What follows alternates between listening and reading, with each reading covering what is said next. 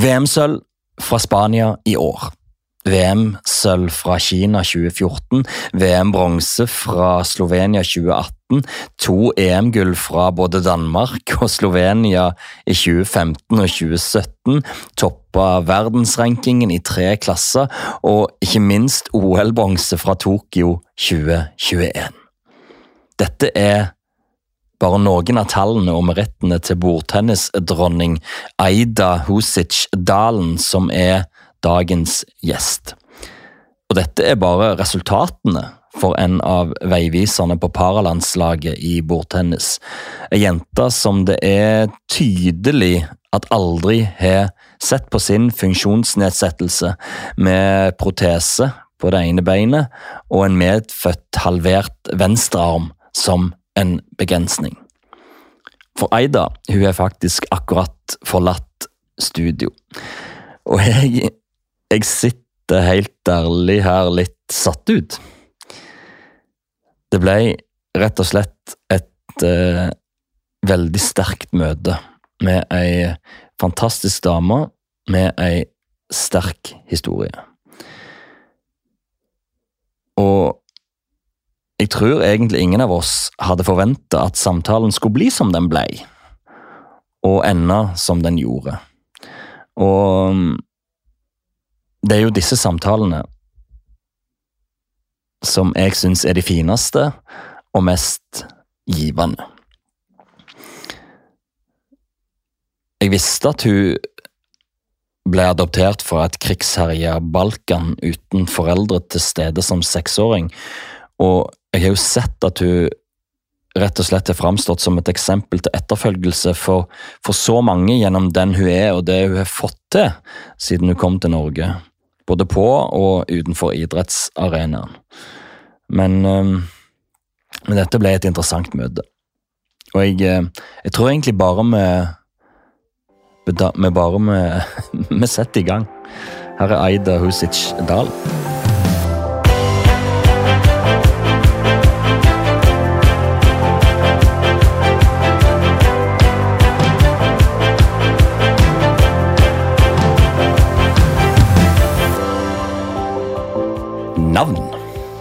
Aida Husic-dalen.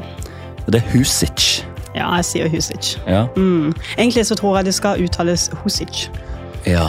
men uh, jeg sier Husic. Jeg blir liksom fornorska. Men den ch-lyden, den er viktig, føler jeg. ja, Ja. det er typisk som Balkan, føler jeg. ja. Ja, det er ikke noe sånn K eller noe sånt. Nei. Nei, for jeg hadde eh, Kristina Vukicevic. Ja. Og det der er litt den samme lyden. Absolutt. Eh, Det er bra. Ja. Idrett. Idrett. Jeg spiller bordtennis. Moderklubb. Randesund idrettslag. Randesund idrettslag. Ja. Og det er rett utenfor Kristiansand? Det er i Kristiansand. Det er i Kristiansand, Ja. eller? Ja. Det er på Randesund, Ja. hvis du har hørt om det. ja, jeg har hørt om det. Ja. Spilte en fotballkamp mot Randesund i, i oppveksten en gang, husker jeg. Ja. Ikke sant? Ja. Mm. ja. Så det var derfor jeg, men, men er det, regnes det som Kristiansand? Konkret vet jeg ikke. Nei. Jeg ville sagt det var Kristiansand. Ja. Men, Men da eh, sier vi at det er Kristiansand. ja. Første konkurranseminne.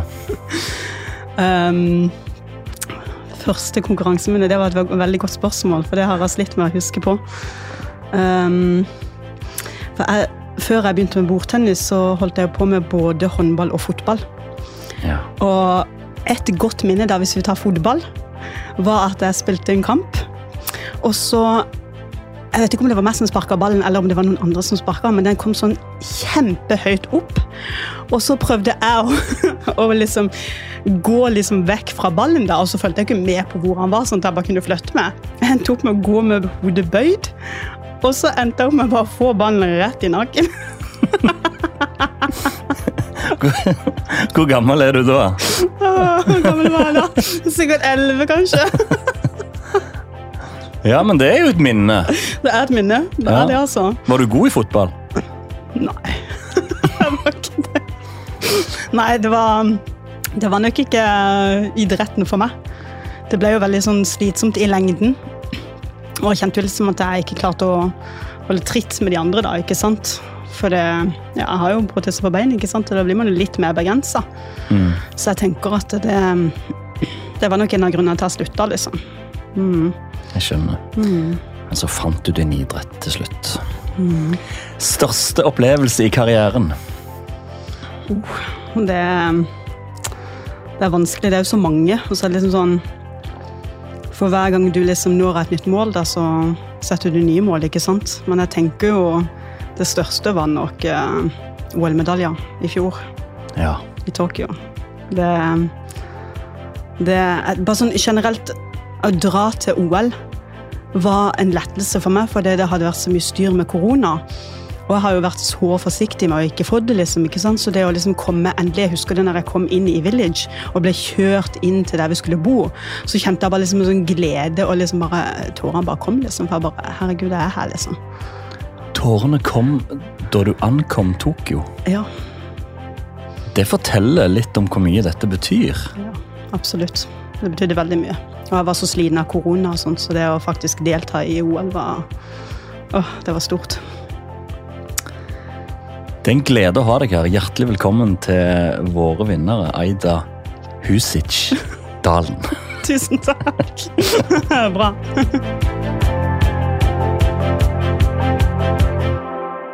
For det er, det er vitterlig en, glede å ha deg her. Uh, herlig energi. Herlig energi. Herlig å, å, å ha deg som gjest i, i podkasten. går det bra? Det går egentlig veldig bra. Tusen takk. Um, akkurat nå så har jeg jo litt eksamener på skolen, så det tar jo litt uh, tid og energi. Men uh, ellers så går det veldig fint. Hvilken skole snakker vi da om? Jeg går på idrettshøyskolen. Ja. Mm. Og eksamen i Noe som heter prestasjonsanalyse. Oi! Ja, jeg studerer jo trenerrollen og idrettspsykologi. Og er på siste året nå. Og det har jo vært ganske krevende, for det, det har vært mye mer jobbing nå, føler jeg, enn tidligere. Så det, det er interessant. Men denne eksamen i morgen er egentlig veldig interessant, for jeg har analysert mine egne kamper. For å se om jeg får fordel eller ulempe i å åpne først, fremfor når motstander åpner først. Og de funnene der, det var interessant å se. Og jeg elsker sånne detaljer. Ja, så bra. Eh, Fortell litt om deg. Altså, hvordan, hvordan har du analysert det? Jeg har gått inn, eh, jeg har tatt tre kamper fra OL og VM. Og så har jeg bare sett på de gangene jeg åpner ballen først sjøl. Altså jeg vender spillet fra underskru til overskru, f.eks. Og når motstander gjør det. Og hvem som vinner poenger i forhold til de ballvekslingene der. Og det har vært veldig interessant, for jeg trodde jeg hadde en fordel i å åpne. Og i den ene kampen hadde jeg det, men i de to andre hadde jeg ikke. Så det var så utrolig interessant. Det var liksom sånn eye-opening å faktisk få den beskjeden. Så det, nå skal jeg gjøre det med de alle andre kampene også, mot motstanderne jeg kommer til å møte de kommende årene. Og så se hva jeg kan gjøre for å forbedre mitt spill mot de da. Hm. Tenk så fantastisk da at dine, dine studier og dine eksamener kan bidra til å gjøre deg bedre på det du holder på med. Ja, det var akkurat det jeg tenkte. For liksom, når jeg begynte her, så tenkte jeg sånn Nei, jeg får jo sikkert lært litt nytt, på en måte. Men å faktisk kunne liksom gå inn spesifikt i din egen idrett og analysere ting som kan eventuelt gjøre deg bedre, da, det er jo en fantastisk mulighet. Det er, det, så det er veldig gøy. Så hørtes det tidkrevende ut. Ja, det tar, det tar mye tid. For jeg satt her når jeg skulle analysere en og en kamp. Jeg tok de som varte litt lenge, da, sånn at jeg fikk flere tall å jobbe med. Og da satt jeg liksom sånn Ok, der var det én åpning. Strek. Hvem vant? Strek på den personen. ikke sant? Så det tok jo litt tid, ja. Det gjorde det. Og hvordan er det, hvordan er det å sjonglere, da? Det å være eh, verdens beste bordtennisspiller og samtidig ta en utdannelse som jeg regner med det er fulltidsutdannelse? Ja, Ja. det er det faktisk. Hvordan er den limboen? Den er, hvis jeg skal være ærlig, så har ikke det vært lett. Nei. Jeg kjenner det har um, Ja, det tar jo veldig mye tid å skulle liksom klare å rekke alt til skolen, for de har jo frister på når du skal levere inn ting. Og så skal du også klare å forberede deg mest mulig før en konkurranse, da. Ikke sant? Og sånn som i år, da, så hadde jeg VM, og kjente bare nå før jeg dro, så var jeg sliten, liksom. For jeg bare sånn jeg prøvde å holde tritt med skolen, og så har jeg liksom måttet pushe på for å få utsettelse, sånn at jeg faktisk får tid til å gjøre alt sånn i overordna, ikke sant. Og det, det har vært slitsomt, men um, samtidig så er det veldig givende for meg å ha noe ved siden av bordtennisen også. Og det har vært viktig. Det var derfor jeg begynte på dette her studiet i 2019. Sånn at jeg kunne ha liksom en kombinasjon, da. Men samtidig så har jeg også bestemt meg for å studere 100% og det hadde jeg ikke trengt. Men jeg føler også at jeg har liksom studert nok, da. Så jeg vil liksom bli ferdig også. Men hvorfor er det viktig for deg å ha noe annet enn bordtennisen? Jeg tenker at det er litt sånn Bordtennis er viktig, men det er ikke alt. Og det er også viktig sånn generelt for alle som driver med idrett, å huske på. Og de sier også det at det er godt for hodet å ha noe annet å tenke på. Du skal ikke være en idrettsutøver liksom 24-7. Ja, det er 24, 24 timers utøveren, men det innebærer også å gjøre ting som gir deg energi utenom også.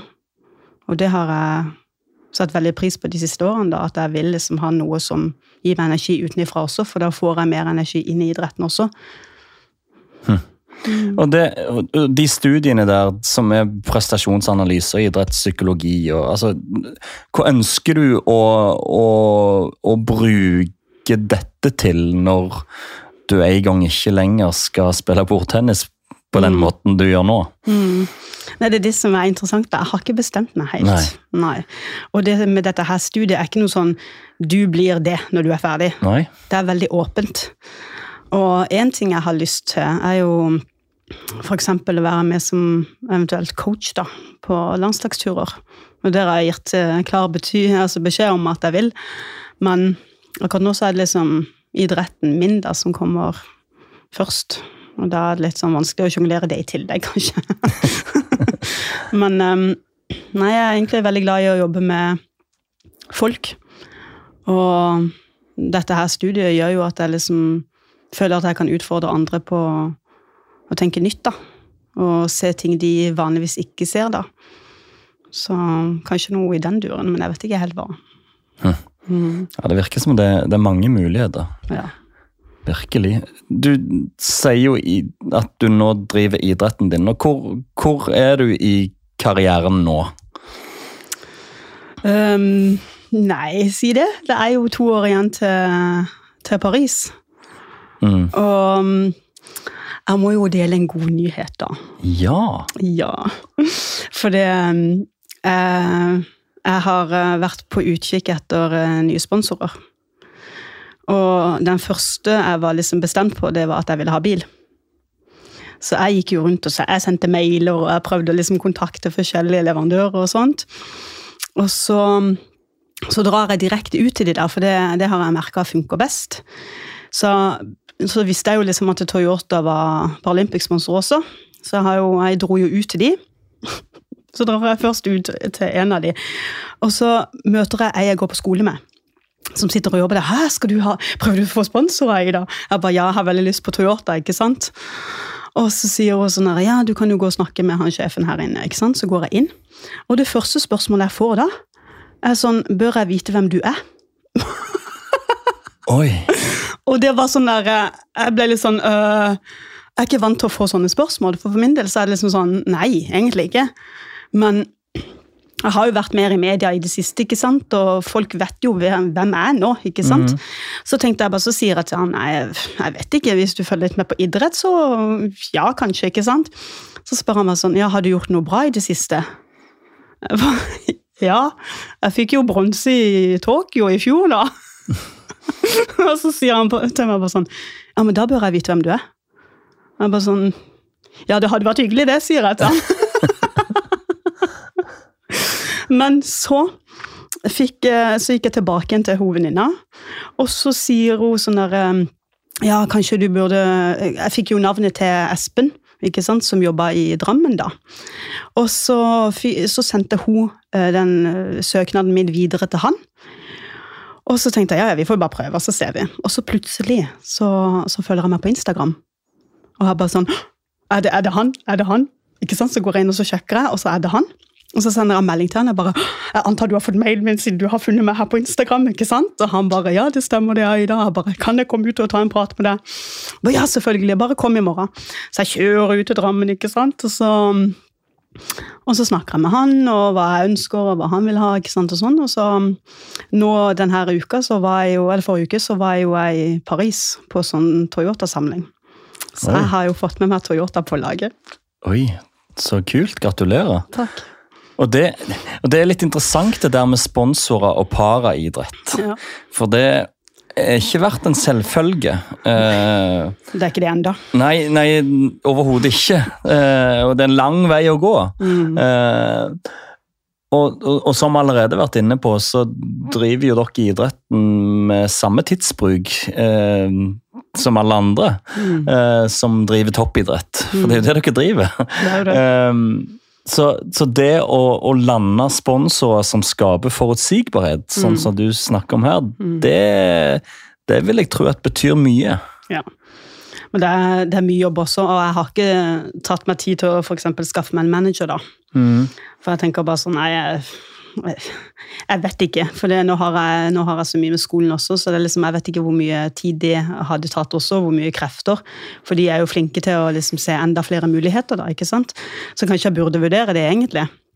Men så tenker jeg sånn Når vi faktisk driver med toppidrett ikke sant, og er på det nivået jeg er nå, da, så er det viktig for meg å liksom ha en inntekt og ha sponsorer som liksom hjelper meg videre. ikke sant? For nå fremover så kommer jeg jo til å reise mye mer ikke sant? Og, og se på andre muligheter. da, ikke sant? Og så er det turneringer og, opp, og opphold i andre steder, ikke sant? treningsleirer og sånt.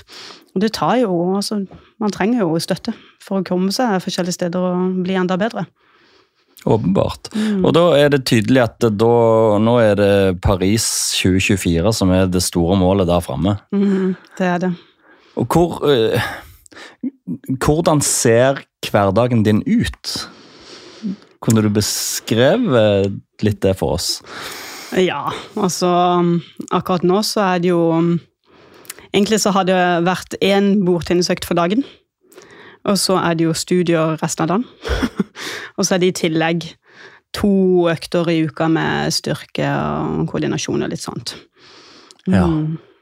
Og når du sier ens bordtenningsøkt, Ja. hvor lenge holder du på da? To timer. Ja, Mm. Hver dag. Og da er det terping på tekniske detaljer og på alt som kan gjøre deg bedre som bordtennisspiller. Det er det. Ja. Mm. Har du noe spesielt du jobber med utenom åpninger? Å, det er så mye. Det er så mye man kan jobbe med. for jeg, liksom, Som sagt, når jeg studerte disse her kampene også, så ser jeg jo f.eks. at eh, jeg var, Den har ikke jeg tatt med i studiet mitt, da. Men én ting var at jeg var dårlig på returer når jeg fikk langserv. Mm. Og det er litt sånn mm, Det er liksom lettvinte poeng å vinne for de andre hvis jeg ikke er med på de.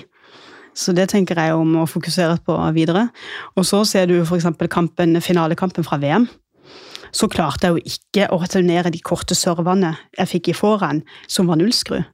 Da slurva jeg med det, ikke sant? så gikk de ut, ikke sant? for jeg feilberegna skruen. Og sånne ting skal ikke skje, føler jeg.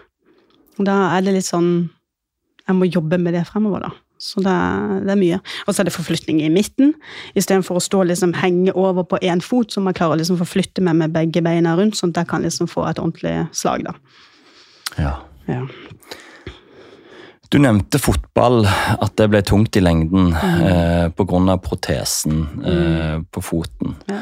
Eh, og så er det i tillegg eh, en arm Mm. som er kortere enn den andre, din venstre arm. ja. Um, hvordan skaper det forskjell for deg sammenlignet med en funksjonsfrisk? Det gjør jo noe med balansen. Og det som er med den foten min, da, er at eh, jeg kan ikke eh, Altså, når jeg bøyer meg ned, så, kan ikke den, så står ikke den flatt som deres fot gjør. ikke sant? Den ender opp med å bare blimme så jeg står på tå. Ja. Og da får jeg enda mindre balansepunkt. Ikke sant? Så det er jo andre forutsetninger for min del da, når jeg først driver med en idrett. Og det ser man jo når jeg spiller bordtennis også nå. Jeg står jo på tå og spiller, ikke sant? Og det er jo egentlig litt imponerende i seg sjøl, at man klarer å forflytte seg såpass bra. Altså. Men jeg så jo det Jeg fikk en, sett en video fra meg da jeg kom til Oslo, versus nå. hvor mye jeg har forbedra meg. Og det, det, er veldig kult å se. Ja, det må være gøy å se. Ja, det er veldig gøy. Det er litt sånn flaut å se på den tida der, da, men det er veldig gøy å se at det har blitt så mye bedre nå. Mm. Mm. Altså nå, nå, sitter du jo her som eh, Du nevnte medalje i OL, og det er VM, og det er EM, og det er en haug med NM-titler, og det er mm. verdensranking, og det er det ene med det andre. Masse flotte prestasjoner. Mm. Men hvordan i det huleste ble det bordtennis? det var Det var faktisk en uh, venn av familien som bare foreslo at jeg kunne prøve bordtennis. Og på den tida så kjente jeg ingen som drev med bordtennis. Og jeg, vi hadde jo ikke noe bordtennisbord på skolen, jeg hadde jo ikke vært borti det før. Og så, så var jeg, jeg veldig sånn åpen for å prøve nye ting, da. ikke sant? Og så sa jeg ja, men det, det vil jeg prøve. Jeg kan, jeg kan, gå ut og prøve, liksom. Og så ringte de klubben i Randesund da, og spurte om jeg kunne bli med. Og de bare ja, ja, selvfølgelig, ta meg i morgen. Og da er det trening klokka da til da. Og så kommer jeg ut, og så er det liksom sånn Jeg får en sånn der, eh, nesten litt sånn aha-opplevelse, liksom. På at uh, dette var Nå traff jeg liksom rett. Og det er liksom sånn når jeg kommer hjem og sier til mamma og pappa liksom at det bare sånn Dette kan jeg bli god i. Da har du liksom funnet den sporten du trives med, og mm. ser liksom en fremtid med, på en måte. Så. Ja, når er dette? Ja, første treninga da jeg var tolv år. ja, nettopp. Hva var det som ga deg den aha-opplevelsen, da? Jeg tror jeg opplevde mestring etter første trening. Og det er veldig viktig, har jeg merka, å oppleve mestring underveis for å liksom bygge selvtillit og godfølelsen for idretten, liksom. Mm. Mm. Og der er du tolv år. Mm. Kristiansand, Randesund. Mm. Men du starta jo ikke livet ditt der. Nei. Nei. Eh, hvor, uh, hvor kommer dette Hosic-navnet fra, og hvor, hvor, er opprinnelsen din? Jeg er jo født i Bosnia, faktisk. Uh, 1990. Og um, det var jo en uh, trøblete tid på den tida, så jeg, i løpet av de årene jeg var der nede, så ble jeg flytta over til Montenegro pga. krigen. For at jeg skulle være tryggest mulig. Mm. Og da var det jo et institutt for uh, krigsskadde barn som jeg ble flytta til. Og i løpet av den perioden der så jobba jo pappa på et prosjekt som het Children in Need. Og det var derfor han kom på det instituttet jeg var på. Det var sånn jeg ble kjent med han. Altså din norske pappa? Ja. ja. Jeg har ingen forbindelse med mine biologiske foreldre. Det eneste jeg har hørt, er at um, etter jeg ble født på sykehuset, så var det noen uker eller noe sånt etterpå, så ringte hun biologiske mora mi der uh, og spurte om det gikk bra med meg. Og så sier de ja, det går veldig fint med Aida, liksom. Og etter det så ingenting. Og etter det ingen kontakt? Nei. Men jeg har ikke, jeg har ikke noe behov for det. Jeg har familien her. Jeg har vært veldig heldig som har kommet til Norge. Hm. Hvorfor, hvorfor kjenner du ikke behov for det? Nei, det er vanskelig å si. Um, jeg vet ikke. Jeg er kanskje litt mer sånn Jeg dveler ikke så mye på fortida, tror jeg. Og jeg er litt mer sånn Når jeg blir ferdig med noe, så er det ikke noe sånn Ja, skal vi, skal vi finne ut av det? Eller noe sånt. Det er litt mer sånn Da er jeg ferdig med det, på en måte. Og det jeg følte når jeg møtte mamma og pappa, liksom, var at, og søstera mi, da, var at jeg hadde jeg fikk noen som ble glad i meg, liksom. Og det var det jeg trengte. Alle vil jo ha noen som er glad i seg, ikke sant? Mm. Og jeg var jo som sagt alene i seks år før jeg fikk en familie. Og det er jo tøft for et barn å oppleve. Så jeg tenker at det er kanskje ikke noe å dra opp igjen heller. Og finne ut andre ting. Hva var det som, gjør at du, hva det som gjorde at du var alene i seks år? Nei jeg du ikke noen familie Nei. å dra til, på en måte. For det, jeg husker det når jeg var på det instituttet, da. Så endte det opp med at det kom nye barn hver måned. Og så var det to, to tre dager kanskje jeg var der helt alene. For det, de andre ble jo sendt hjem til familie eller ble adoptert. eller noe sånt. Og jeg hadde jo ingen å dra til, så jeg ble jo bare værende på det instituttet. Før det kom noen og henta meg, da. Ja. Og dette er i- i Sarajevo. Nei, dette var i Montenegro. Det var I Montenegro, mener jeg. Ja. Ja, i Montenegro. Ja. Og du nevner krigsskadde. Dine funksjonsnedsettelser er ikke krigsskader, det det er medfødt, Det er medfødt. Ja. Ja. Men folk, altså vi barna, vi ble fjerna fra Bosnia pga. krigen, da. For det var ikke trygt. Så teknisk sett så ble jeg liksom krigsskadde barn, da. ja, jeg skjønner. Mm. Og så blir du eh, henta hjem til Kristiansand. Mm. Ja. Stemmer. Og så begynner oppveksten din der. Mm. Hvordan var den, da? Jo, det var, det var interessant. Eh, Det er sånn, jeg husker liksom ikke så veldig mye sånn konkret sjøl av ting. Men jeg, jeg har hørt litt historier. da. Det var liksom sånn, Jeg har også sett bilder, da. Jeg elsker badekaret. så jeg brukte mye tid der. Og så hadde Jeg en veldig fin eh, barndom. Jeg fikk eh, venner fort og ble liksom Jeg har sett bilder av meg når jeg bare kom på flyplassen, liksom, og hele vennegjengen til mamma og pappa sto der liksom og skulle hilse på meg, og hvem er Aida, og sånn og sånn. Så jeg har hatt en eh, god barndom, jeg, altså. Det har jeg. Og så bodde jeg jo Det var jo ikke lenge jeg bodde i Kristiansand før vi flytta til, til Libanon, faktisk. Pappa jobba der i Røde Kors oh, ja. i to år, så vi ble med han. Da var jeg åtte, vel. Så jeg lærte meg også fort engelsk. så det var jo litt gøy. Da gikk jeg på internasjonal skole. Mm. Hmm. Så ja, det har vært en interessant barndom. Men den oppveksten i, i, eh, i Bosnia, Mm. tok du den med deg på noe vis? Altså mentalt? Ikke bevisst. Nei. Det Det tror jeg ikke. Men um, det er vel litt sånne følelser som har dukka opp sånn i, i voksen alder, som jeg forbinder med barndommen. Og det var sånn Det var litt vittig. Jeg var jo nå i, på VM i Spania. Ja. Og så dro vi videre til, til Marbella.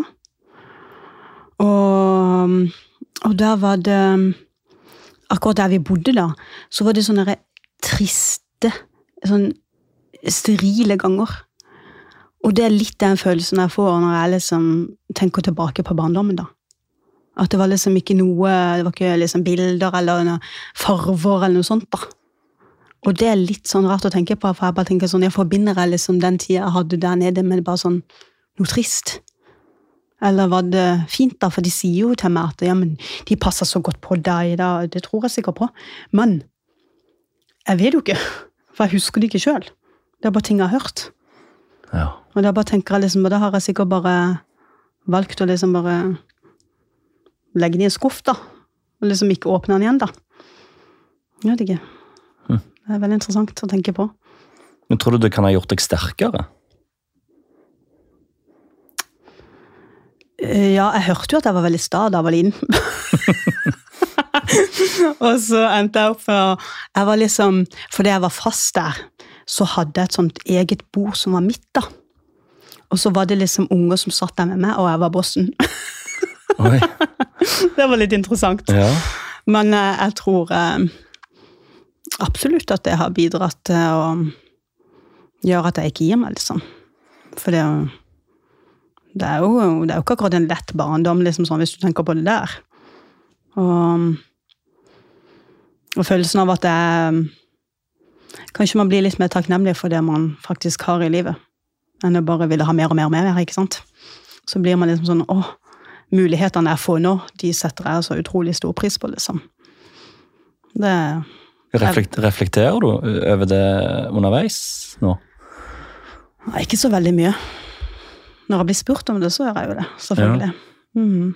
Men det er litt sånn fint også å bli på det oss innimellom, at eh, man har jo faktisk vært utrolig heldig. Hva er tilfeldigheten at jeg skulle komme til Norge, liksom? Det er jo, Mm. det er jo så sykt å tenke på, egentlig. Så Ja. Mm. Og så er det noe med altså, eh, Det du eh, sitter med fysisk, vil det kanskje være mange som tenker på som begrensninger. Det virker ikke som du er der. Nei, jeg føler ikke det. For det er liksom sånn Du gjør jo det beste ut av det du har, på en måte. Og det, jeg har ikke likt å liksom begrense meg sjøl. Og jeg liker ikke f.eks. nå, da, å se andre begrense seg sjøl. Og da, da tenker jeg veldig sånn Jeg vil utfordre de til å liksom se mulighetene, da, fremfor begrensningene. For det er jo så lett å liksom bare Ja, men de får ikke det til. Ikke sant? Og det, det er den letteste utveien. Enn å faktisk Nei, men vi må prøve.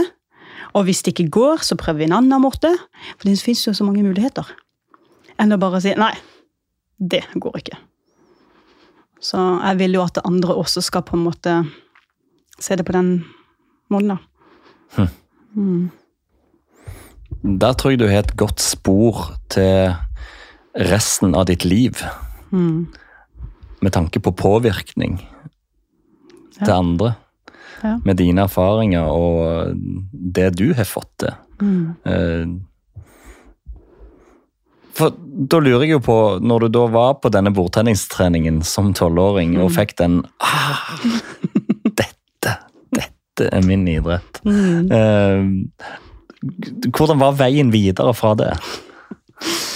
Det som var, altså På den tida så trente jeg jo ikke så mye. Mm. Jeg trente kanskje to-tre ganger i uka. Men jeg syntes jo det var så gøy de gangene jeg var der. Og så hadde vi en så utrolig fin gjeng. Og jeg husker jo bare at jeg kalte oss en sånn one big happy family. For det var liksom så, det var så godt å komme dit. ikke sant? Å være med de folka og drive med idretten man elsker. Og da jeg begynte å konkurrere, det var veldig morsomt. Så jeg har jo Jeg har jo et vinnerinstinkt, ikke sant? Mm. Og så, så husker jeg jeg har hørt dette her fra var det pappa, tror jeg det var. Så Ja, mamma. Mamma og pappa. Så sier de til meg sånn Ja, jeg var på, jeg var på en turnering og, og møtte Norges beste spillere, ikke sant? Og så tapte jeg jo, for de var jo de beste. Og jeg var liksom bare sånn startfase, ikke sant? Og så sier de ja, men Aida. For, for da kommer jeg liksom, og så er jeg sur. Og så sier de ja, men Aida. Du spilte jo mot Norges beste. Ja, det driter jeg i! og alltid vært sånn Jeg har ikke hatt noe sånn derre på en måte sånn respekt for at de er de beste, fordi jeg vil bli best sjøl. Mm. ikke sant? Så jeg har alltid liksom brukt det som liksom, energi for, meg, for min egen karriere, da, og klare å slå de som er bedre enn meg. Og jeg husker en gang det var ei jente som jeg brukte så lang tid på å liksom klare å knekke koden til. Og hun var alltid sånn Det var så utrolig flott. Hun var, hun var helt fantastisk i, i holdninga si. Hun var alltid happy, uansett vinn eller tap. Jeg ble så imponert over det. Og så liksom, Jeg tapte og tapte og tapte, og tapte, og så var det én gang. Så plutselig så tar jeg henne. Og jeg jubler ut, ikke sant? Jeg bare, «Hoho!» Og hun står på andre sida og smiler og ler. Og så gratulerer hun meg etterpå. Jeg bare sånn Oi. Altså, for et menneske. Å klare å liksom være egentlig best, og så taper du én gang. Og så være så ydmyk og bare ja, gratulerer så mye, liksom. Åh. Ja, det var, men det var en stor opplevelse å faktisk endelig klare det, liksom. Noen du sliter så med. Og det er det som er liksom driven min også nå, da. Å klare å liksom Ja, faktisk forbedre meg, og liksom klare å slå nye mennesker, eller de jeg sliter med nå, da. Mm. Ja, og der kommer jo den staheten du nevner inn, da. sant? Gi meg ikke. Nei. Og hvordan, eh, hvordan ble du in introdusert, eller hvordan kom du inn i paraidretten? Ja, det Det endte jo på med at jeg drev og konkurrerte. Uh, og så var det jo landslagssjefen, eh, han som er det nå òg, landslagstreneren på den tida, men landslagssjef nå, han, eh, han tok jo en prat med meg og pappa og sånt, og de hadde fulgt med, med på meg lenge. Og liksom spurt ja, Ida, vil du ikke være med og bli med på para, paralaget. Nei. Nei, uaktuelt. Jeg er ikke funksjonsnedsatt, så det kan du bare glemme. Sånn var jeg. Jeg var, jeg var, var der, ja. jeg var så bestemt. Det var ikke snakk om at jeg skulle være noe annerledes enn de andre. ikke sant? Og de maste og maste og maste. Til og med liksom de Jeg hadde jo en trener i Randesund også som satt i rullestol. Og hun ville også ha meg med på paralag, ikke sant? Og det gikk, tida bare gikk og gikk og gikk, og jeg bare nei hver gang. Og så, så fikk jeg nok til slutt. Og så sier jeg ok, jeg blir med på én turnering. Og hvis jeg ikke liker dette her, så er vi ferdige for alltid. Ok? Jeg var så bestemt, vet du. Og de bare Ja, helt greit. Helt greit. Og så, så blir jeg med på min første turnering i Polen i 2008. Og så får jeg bronsemedalje. og da var jo jeg solgt. Ja, det vil jeg tro. Ikke sant? For da, da så, du, så man jo liksom at man fikk igjen for, for jobbinga også. Og så begynte medaljene å komme inn. Og det er jo kult å oppleve. Selvfølgelig er det kult. Men hadde du fram til det spilt mot funksjonsfriske? Alltid. Ja, hele veien? Selvfølgelig. Hvorfor skulle det vært noe annerledes for min del? Det tenker jeg. Sånn Jeg hører jo andre idretter der de liksom skiller på para og funksjonsfriske, og så tenker jeg hvorfor det? Hvorfor kan man ikke spille sammen og gjøre hverandre bedre? Og for min del så har det alltid vært en selvfølge. så liksom, Jeg starta ja, i den klubben og spilte jo med alle som var der, uansett hvem det var. Og til den dag i dag også, så gjør jeg jo det. Og nå konkurrerer, nå konkurrerer jeg jo også mye mer mot funksjonsfriske også. For å få den matchinga. Jeg liker det jo. Ja. For de utfordrer meg på en annen måte. De, de har mye høyere tempo enn det paret har. ikke sant? Og hvorfor skal ikke jeg utvikle meg på den fronten også? Så jeg syns det er gøy å bare konkurrere mot de som er bedre enn meg generelt. Ja, og jeg, jeg har jo sett deg spille, og det er jo ikke noe problem for meg å se for meg at du kan slå de aller fleste funksjonsfriske. Altså, eh, du har jo et skyhøyt nivå. Eh, Så, men, eh, men du trener mye nå òg med funksjonsfriske? Ja, ja, hele tida. Ja. Ja, selvfølgelig. Det gjør jeg. Absolutt. Og det er jo veldig gøy. Nå får jeg disse muligheter. Jeg var med på nordeuropeisk, ikke sant? Med de funksjonsfriske. Og det var jo veldig tøft nivå. Men det er liksom et steg videre, da. Å få sånne her muligheter også. For da kan jeg jo bare utvikle meg enda mer. Ikke sant? Men har du sjans mot de beste? Nei, altså hvis du tenker på verdensnivå Nei, jeg er ikke i nærheten. Nei, og det er jo veldig forståelig, sant? Ja. Men altså Små steg, da. Så kan man jo liksom bli litt og litt bedre. Og alle har jo et nivå før det sier stopp, på en måte. At du ikke kan komme noe videre. Og det er greit. Men jeg har ikke nådd mitt høyeste nivå, føler jeg da. Det er mye som kan liksom forbedres for det. La oss si teknikkmessig, da. Så er det jo bare sånne småting som jeg kan justere på, ikke sant. Og det er jo det er det som er sånn gøy med idrett også. Du kan liksom stadig bli bedre, da. Blir du irritert på at folk ser på deg som ja, Kall det annerledes, da?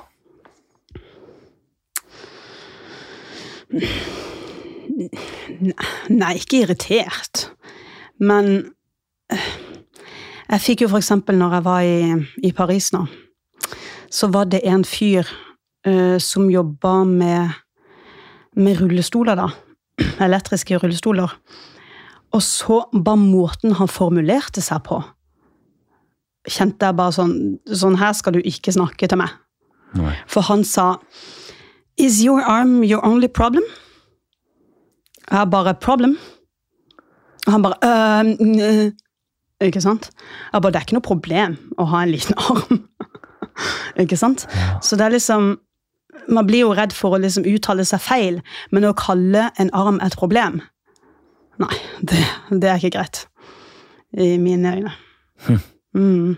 Men det som er, for min del så blir de mer imponert over hva jeg faktisk klarer å prestere, enn å se begrensningene mine. Men de, det er lett å gjøre det fordi du ser å ja, men hun har en liten arm, hun kan ikke La oss si den historien der med at jeg skulle strikke da jeg var liten. Ja. Og læreren ringer mamma. «Å, 'Hva skal vi gjøre med Ida? Hun kan jo ikke strikke.' Ikke sant? Og de satte meg på symaskin, for det var liksom så lett. Og mamma bare sånn 'Ja, men bare la henne få prøve'. Og en- vet du hva jeg endte opp med å gjøre? Jeg strikka uh, pulsvarmere til læreren i julegave. Som den der, der fikk du den! Det er responsen sin, det. Det er responsen. Ja, var veldig gøy. fantastisk. Veldig gøy. Og det òg igjen forteller jo masse om deg og din mentalitet og den du er. Eh, og så kan det sikkert eh, spørs hvorfor du er den du er, men det, det er i hvert fall veldig tydelig at du er ei jente som ikke gir opp. Som kjører på. Mm. Eh, og det er kult å høre. Og eh, de, de tårene i Tokyo Mm. når du kommer der eh, Fortell litt mer om hva det handler om. Altså, det som var øh, Når korona kom, så Så gikk det veldig hardt inn på meg. Um, eh, med tanke på at vi bodde i Oslo, så hadde vi jo veldig strenge restriksjoner også. Og så var det sånn, før OL ble utsatt, da, så ble jeg på en måte tvunget til å dra på trening. Fordi vi skulle forberede oss mest mulig, ikke sant? Og det er jo forståelig, vi må jo det. Men på den tida så var jeg Jeg ble liksom Jeg ble overforsiktig, da. På alt. Så jeg liksom, jeg trykka ikke på knapper. Jeg liksom sto sånn her, og jeg skulle åpne døra, så var det liksom bare å dytte med albuen sånn, ikke sant? Og når jeg kom hjem på, på besøk til mamma og pappa også, så sånn der, så trykker de på knappen sånn her, jeg bare Og det sier jo hvor hardt det gikk inn på meg.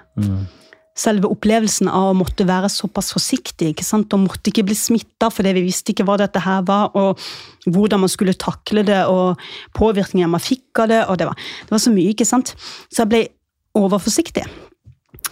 Og jeg følte at eh, jeg ville egentlig bare egentlig holde meg unna alt og alle. Sånn at jeg ikke liksom kunne bli syk, da. Men um, så jeg husker jeg brukte jo veldig mye tid med mamma og pappa. Men så var det alltid sånn Nei, du må komme og trene, og nei, hun er ikke utsatt ennå, og ikke sant, sånn sånn. Og så, så ble det jo utsettelse, da. og det var utrolig tungt. For jeg følte at eh, Ærlig talt, altså visste jeg ikke om jeg hadde ett år til i meg akkurat da på å liksom holde ut til Tokyo, på en måte. Med tanke på at det liksom ble så mye fokus på koronaen og sykdom, og alle som bare døde rundt oss, ikke sant. Så blir det jo litt sånn Orker jeg dette her? Klarer jeg et år? Ikke sant? Sånn her. Men så så gikk jo tida, så blir du vant til det, ikke sant, og tar jo alle forhåndsregler du kan. og og jeg holdt meg jo frisk, ikke sant? Og så Og så plutselig så Så skal vi liksom Så går tida, og jeg liksom Jeg klarte ikke å innstille meg på at OL skulle bli noe av. Og da tenkte jeg bare sånn Jeg, jeg ville ikke ha noen forventninger. Så jeg bare, jeg gikk på trening, og så gjorde jeg bare jobben min. ikke sant? Og jeg trente utrolig bra. Men så begynte vi å, å konkurrere, da bare litt sånn innad i den gruppa vi var. Og jeg var så sårbar. Jeg liksom, jeg takla ikke utfordringer. Og det var sånn, Jeg ble, jeg ble sinna med en gang ikke sant? når jeg ikke fikk det til som jeg ville. Og Jeg husker jeg snakka masse med Marte om dette, her, coachen min. da. Og hun bare, bare du, du liksom agerer så fort, Aida. Dette her må vi jobbe med. For det, hvis jeg er sånn i OL, så ryker jeg jo ut sånn. ikke sant? For det, da takler du ikke å stå i den der ubehagelige følelsen når det liksom blir jevnt, og, og klarer å gi alt du skal. Når det blir liksom Når det heter seg opp, da. Men så var det liksom sånn Jeg tror ikke jeg liksom innså at jeg skulle til, til OL før, eh, før jeg fikk liksom billetten. Nei. Jeg fikk liksom alle bagene med klær og sånt. Jeg bare, å, nå er det så så lenge til OL, ikke sant? Og, så- men når jeg fikk billetten, jeg bare sånn Herregud, blir det OL? det var liksom bare sånn jeg, jeg klarte ikke å liksom bare se det for meg før jeg liksom var der. Og så når jeg kom ned dit, så var det sånn Først så dro vi liksom til pre-camp. Og det var jo noe annet, for da gikk vi og bare trente med den bordtennisgjengen enn som bare skulle til OL. Og det var liksom ikke noe sånn Åh, ikke sant, det er OL. Men når vi kom inn i Village og satt oss i den bilen som skulle kjøre oss til blokka vår, så sa jeg bare sånn Jeg bare, jeg bare kjente på den følelsen at jeg, jeg er i Village. OL er nå. Og det var bare sånn en lettelse. Mm. Etter alt det slitet du har vært gjennom. Ikke sant? Den mentale kampen med å liksom stå i den der tunge perioden og være så forsiktig og liksom trene hele tida og liksom gjøre det best mulig forberedt. Det Åh, jeg begynner å tåre opp igjen nå. Men eh, ja, det var utrolig deilig. Men jeg tror det du beskriver der, er en litt sånn undervurdert dimensjon for idrettsutøverne gjennom den koronaperioden. For det der er ingen Jeg kan ikke se for meg noen som er så intense jobbinger mot et så konkret mål som idrettsutøvere. Så plutselig blir det konkrete målet helt diffust. Altså, En vet ikke om det er der. Eh, og hvordan en da skal forholde seg til det oppi, eh, oppi en hverdag som normalt sett er veldig bestemt. da. En enorm kontrast. Det er det virkelig. Og det er sånn, For min del så har motivasjonen min vært å jobbe mot mål. da. Ja. Jeg har en turnering der, jeg skal på VM der, og jeg skal liksom sånn og sånn. ikke sant? Du har alltid noe å jobbe mot. Men når alt ble avlyst, og du hadde kanskje et OL om halvannet år, så sitter du sånn «Eh, hva, hva gjør jeg nå? Ikke sant? Så det er jo noe med det, altså. Ja, og, eh, og alle vi andre som har i hermetegn vanlige jobber, vi har òg mål. Det er ikke Ja. det jeg sier, men det blir på en annen måte. Det, det, det, det er noe annet. eh, ferdig snakka. Eh, så Og så vil jeg jo tro da at eh, når du da disse mm, innledningstårene får lagt seg Og når du da kommer i gang og i tillegg kjenner at du begynner å prestere eh, Det må ha vært en kul følelse. Det var utrolig deilig. Jeg husker første kampen, så var jeg så nervøs. Jeg, jeg underspilte, for å si det sånn. Men jeg, liksom, jeg, jeg tok han i havn, da, heldigvis, den kampen. Og da bare kjente jeg bare sånn Nå er vi i gang. Og jeg bare liksom Alle kamper Altså alle kamper jeg fikk lov til å spille, var en seier i seg sjøl. Så hele bare opplevelsen av OL var en seier alle folkene jeg var med, og alle, liksom, alle, alle de stundene jeg hadde med folk, var liksom bare en gave. Følte jeg. Og da var det bare sånn, du må bare liksom holde på det.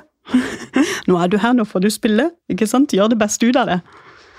Og jeg kjente det også når jeg kom liksom til, til kvarten. Og det var liksom snakk om medalje. Og da var det bare sånn derre og nå må du nyte reisa. Bare kos deg, bare kos deg maks. ikke sant? Og det var Nei, alt var bare deilig, egentlig.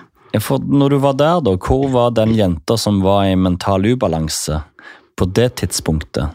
Når du skulle i gang med å kjempe om OL-medaljer? Var du da på et bedre sted? Jeg ville sagt det, ja. Absolutt. Men det var sånn når først konkurransen begynte, så var det liksom Jeg la det vekk. For når jeg er på turneringer, da, så har jeg en ekstra, ekstra drive, da. Mm. På Prøve å gjøre iallfall det som skal til for å liksom prestere best mulig, og få uttelling for det. Og det, det har jeg jo analysert også i de kampene, at jeg liksom Jeg lot meg ikke liksom slippe ned, på en måte, sånn at jeg liksom Sånn at de kunne liksom hente inn seieren, da. Og det, det tror jeg er viktig hvis du skal klare å, å få de medaljene du vil ha. For jeg sammenligner det nå med VM, og da var det Da lot jeg de komme inn, og så klarte jeg ikke å følge opp ordentlig, ikke sant? Og så heldigvis så dro jeg det inn i siste sekund, da, her semien. Men det var, det var så nervepirrende, for det Du blir jo utfordra på å stå i ubehagelige situasjoner hele tida. Og det er ikke noe folk tenker på. Fordi jeg sier sånn 'Å, jeg var så nervøs'. Ah, 'Man kunne ikke se det på deg'. Jeg bare 'Nei, du kan ikke se det på meg, men har du sett armen min, så har det stått sånn'. ikke sant? så det er jo Det er, det er stort å, å klare å gjennomføre det, og faktisk få uttelling på det. Ja, det vil jeg tro. Og, og, hvilke, og hvilke tanker er det som går gjennom uh, Aidas hode på pallen der med medaljen rundt halsen? uh, det som skjedde, var at liksom jeg kom opp pallen, og så får jeg medaljer, og så står de og jubler, de norske der, ikke sant? Og jeg bare sånn der, jeg har jobba for denne medalja i så mange år. Jeg, liksom, jeg skjønte liksom OL i Unnskyld meg. London var jo bare som prøve-OL. Um, men så var forventningene mine altfor høye i uh, Sorry. I Rio. Og da Da husker jeg brukte lang tid på å klare å reise meg igjen etter den skuffelsen, fordi jeg hadde så lyst på medalje. Når jeg endelig fikk den i Tokyo, da, så Det var virkelig høydepunktet i karrieren, for å si det sånn.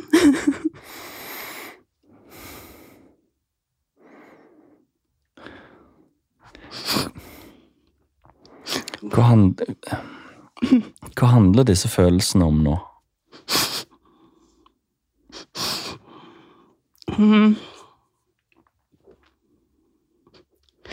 Jeg tror det er en blanding av mye. Det er, det er mange år med, med strev og utfordringer som andre ikke ser. For det for eksempel noen mennesker jeg har møtt, har liksom spurt meg ja, er du bare toppidrettsutøver. Og på den tida så var jeg det. Og jeg følte ikke det var godt nok. Men så så jobba jeg med meg sjøl til å liksom si at det er, det er godt nok, og det Jeg driver jo med denne idretten fordi jeg elsker det. Og når du faktisk klarer å, å nå de målene du setter deg, til tross for alle utfordringene du har utenom, så ja, det er jo en deilig følelse, egentlig. så det når jeg sto der på pallen og, og visste liksom at jeg fikk denne medaljen rundt halsen, så hadde jeg jobba så lenge for det at det Jeg bare klarte ikke å holde igjen tårene, som du ser. Men hvorfor tror du folk kan stille deg det spørsmålet? For det er ikke normalt, liksom, at man skal ja, den normalen da er jo at du skal jobbe ikke sant, og ha utdanning og sånt. Og det er flere toppidrettsutøvere som ikke har det. Og da blir det på en måte Ja, jeg følte meg sett ned på når jeg fikk den kommentaren. Og det var veldig ubehagelig. For jeg føler at eh, ja, idrett i Norge skal være gøy, men jeg ser jo hvor viktig idretten også er for folk, og for meg. Og det har jo Altså, det har jo utvikla meg på så mange områder. Jeg hadde jo ikke liksom klart å være så fysisk god uten idretten, f.eks. Alle de begrensningene som folk ser da, de er jo halvert fordi jeg har liksom drevet med idrett. Fått, altså jeg har hatt folk rundt meg som har liksom trodd på meg og, og pusha meg til å bli bedre. Og har også liksom villet bli bedre sjøl. Og det, det betyr jo mye når du først klarer å å utvikle det, da. Det er det jo. Mm. Ja, fy søren. Jeg blir skik skikkelig rørt sjøl. um, og jeg Og jeg tenker jo på den jenta som starta livet sitt seks år alene i Bosnia. Mm. Som da blir eh, henta til Norge av to flotte foreldre. Eh, og og så begynner den veien til å finne ut av ting og finne noe som du mestrer. Mm. Der som tolvåring. Mm. Og måten du bare har grepet den muligheten fra da, mm. Å ende opp med medalje i Tokyo, hæ? Mm. Ja, det er stort. Det er det. Det er det. Absolutt. Mm. Og i tillegg nå så er du i ferd med å fullføre de eksamene og den bachelorgraden og alt. Det var også én ting, for det var liksom sånn Jeg har jo Jeg har jo prøvd å studere liksom tidligere, og så har det ikke gått. For jeg har liksom Idretten har betydd alt, og så har jeg liksom ikke fått de tilpasningene jeg trengte, og jeg var liksom ikke noe sånn kjempeglad i skolen, ikke sant? Så jeg liksom Når først 2019 kommer, da, så hadde jeg ikke sagt til noen at jeg hadde søkt på skolen. Det, var, det ble mitt. Og når jeg først liksom bare Ja, du har, gratulerer, du har kommet inn på skolen.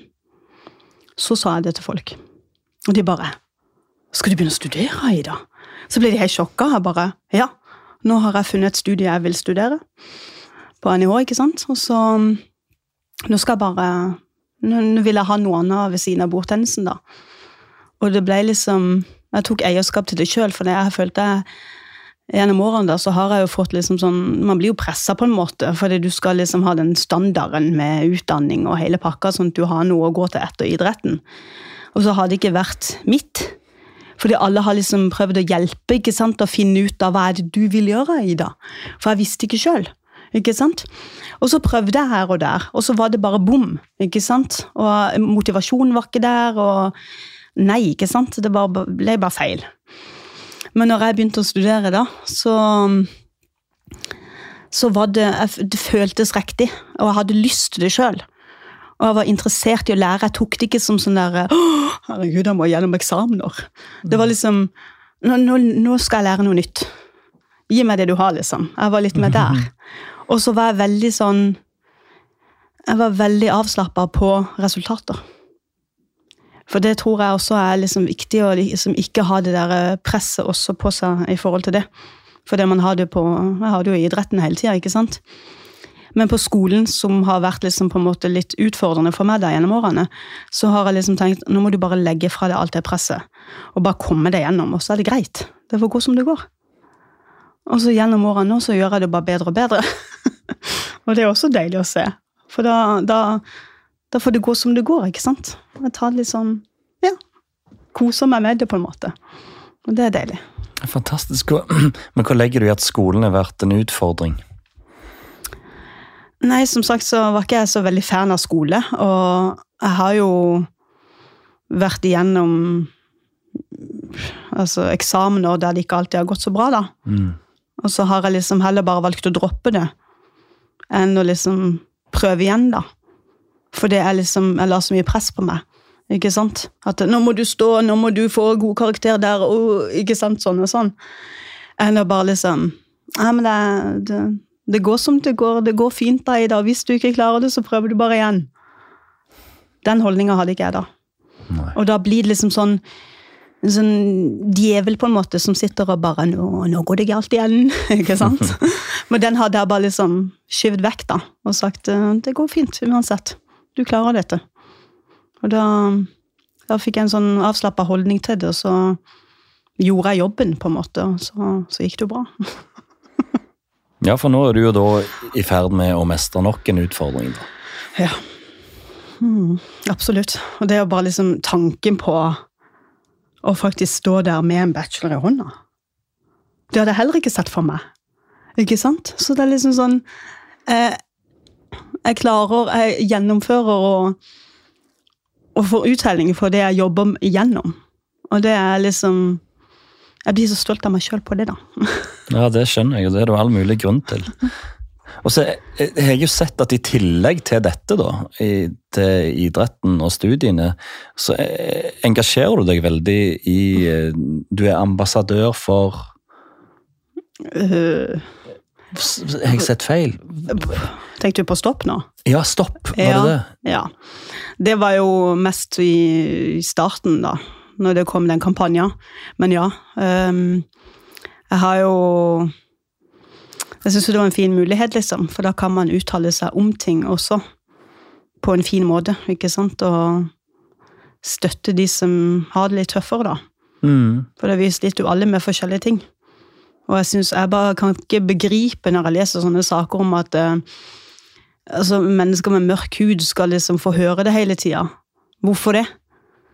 Det er liksom jeg, jeg fatter det ikke, og da har jeg lyst til å liksom vise min støtte til de der, for eksempel.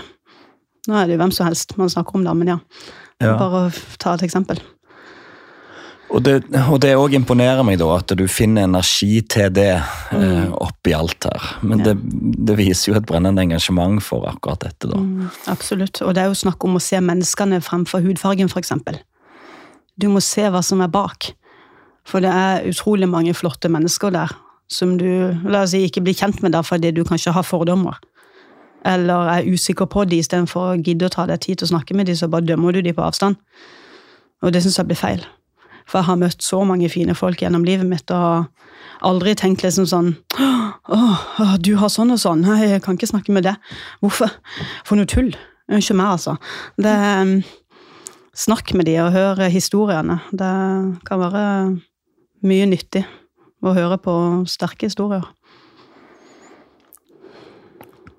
Hvordan blir nå det neste drøye halvannet året for deg fram mot Paris? Ja.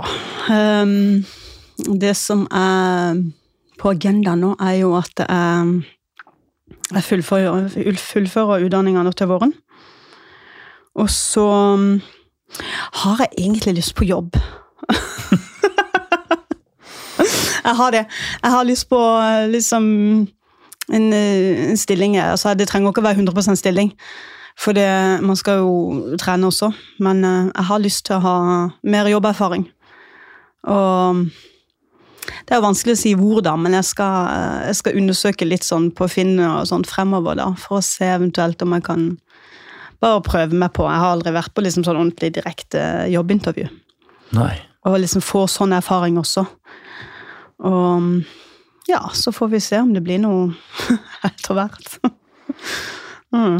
Men med, med litt nye sponsormuligheter og denne Vi-stiftelsen som jeg tror mange har hørt om, med, med Aker og Røkke i, i spissen, Ja. er det mulig for, for deg å drive uten en jobb? Ja, jeg har jo klart det til nå. Ja. Men det er jo ikke Det er jo ikke optimalt. Og som sagt så har jeg jo veldig lyst til å reise mer la oss si, til Sverige da, og trene der. Og da går det jo en del utgifter på det. Så man må jo ha, ha penger å leve for. Mm. Ikke sant? Og det Som sagt så er sponsorene stokker på, det, på rekke og rad her. Nei. Og det, det har vært tøft, selv om jeg har liksom sendt ut søknader eh, i hytt og pine, så er det liksom enten ikke noe å høre, eller et nei. Og det var jo det som var så gøy når med Toyota, at jeg fikk et ja. så ja, man må jo bare prøve. Og det er sånn Det har jeg også merka, for de sa, hvem var det, sa, det var noen som sa det til meg. bare sånn Ja, for fem år siden så hadde du ikke tørt dette her, Aida. Jeg bare, Hva har jeg å tape på det? Og spørre de har dere anledning til å sponse meg. Ja, nei. Ikke sant? Og så greit, move on. Hvis de sier nei, og ja, flott. Supert. Ikke sant? Så jeg vil heller bare prøve, og så få et nei, enn å ikke prøve. Så vet du jo ikke hva som skjer. Og så nå etter å ha hørt og prata med deg i en time, så er det jo veldig lett å skjønne den genuine gleden du viste i starten av podkasten for denne sponsoren. Ja. Med alt du har stått i, og alt du har kjempa. Og eh, yes, det er noen som støtter meg, det er noen som tror på meg, det er noen som gir meg muligheter. Ja, sant? Det ligger så mye bak det. Ja. Eh, nei, det er fantastisk. Mm. Bronse i Tokyo, hva er målet i Paris, da? Jeg vil ha bedre enn bronse. jeg tenkte på det nå når jeg var i VM, så ville jeg ha gullet. Og så fikk jeg ikke det. For det som er VM, henger like høyt nesten som OL. vet du. Det er hvert fjerde år. Så det er liksom at jeg fikk den, der, eh, den veien i OL, det var utrolig surt. Men ja, som sagt så er jo sølv ganske bra, da. Men eh, jeg jobber alltid for gull. Ja. Og det kommer jeg til å gjøre i, i Paris også. Tenk det, da. Ja. Tenk det, om han hadde stått på førsteplassen der, altså, det hadde vært helt, helt rått.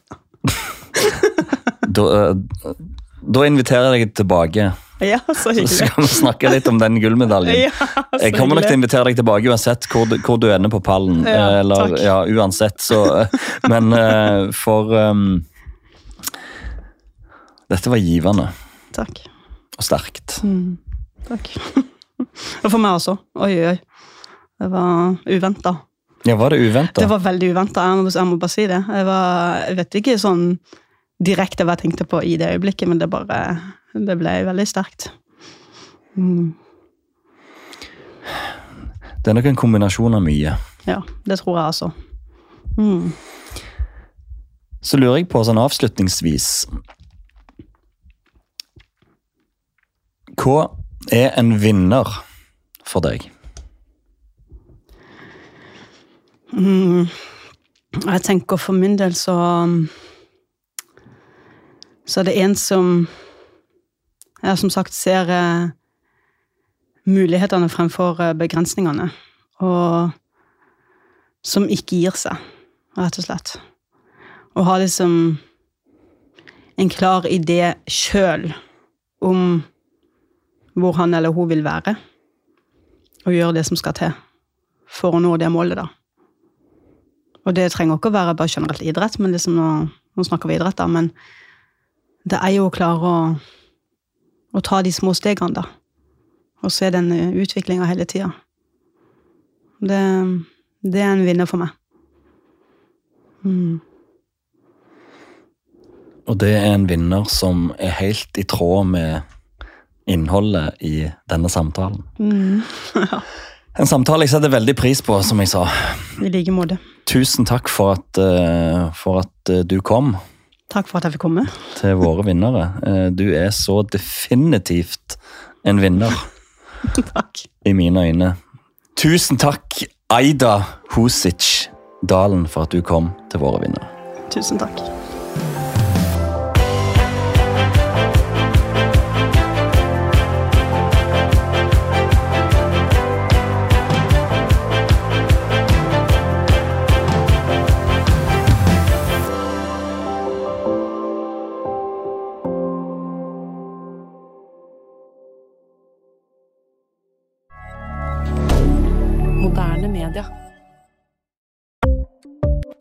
Ukens annonsør er Folio, en smartere banktjeneste for deg som har en egen bedrift eller ønsker å starte for deg selv.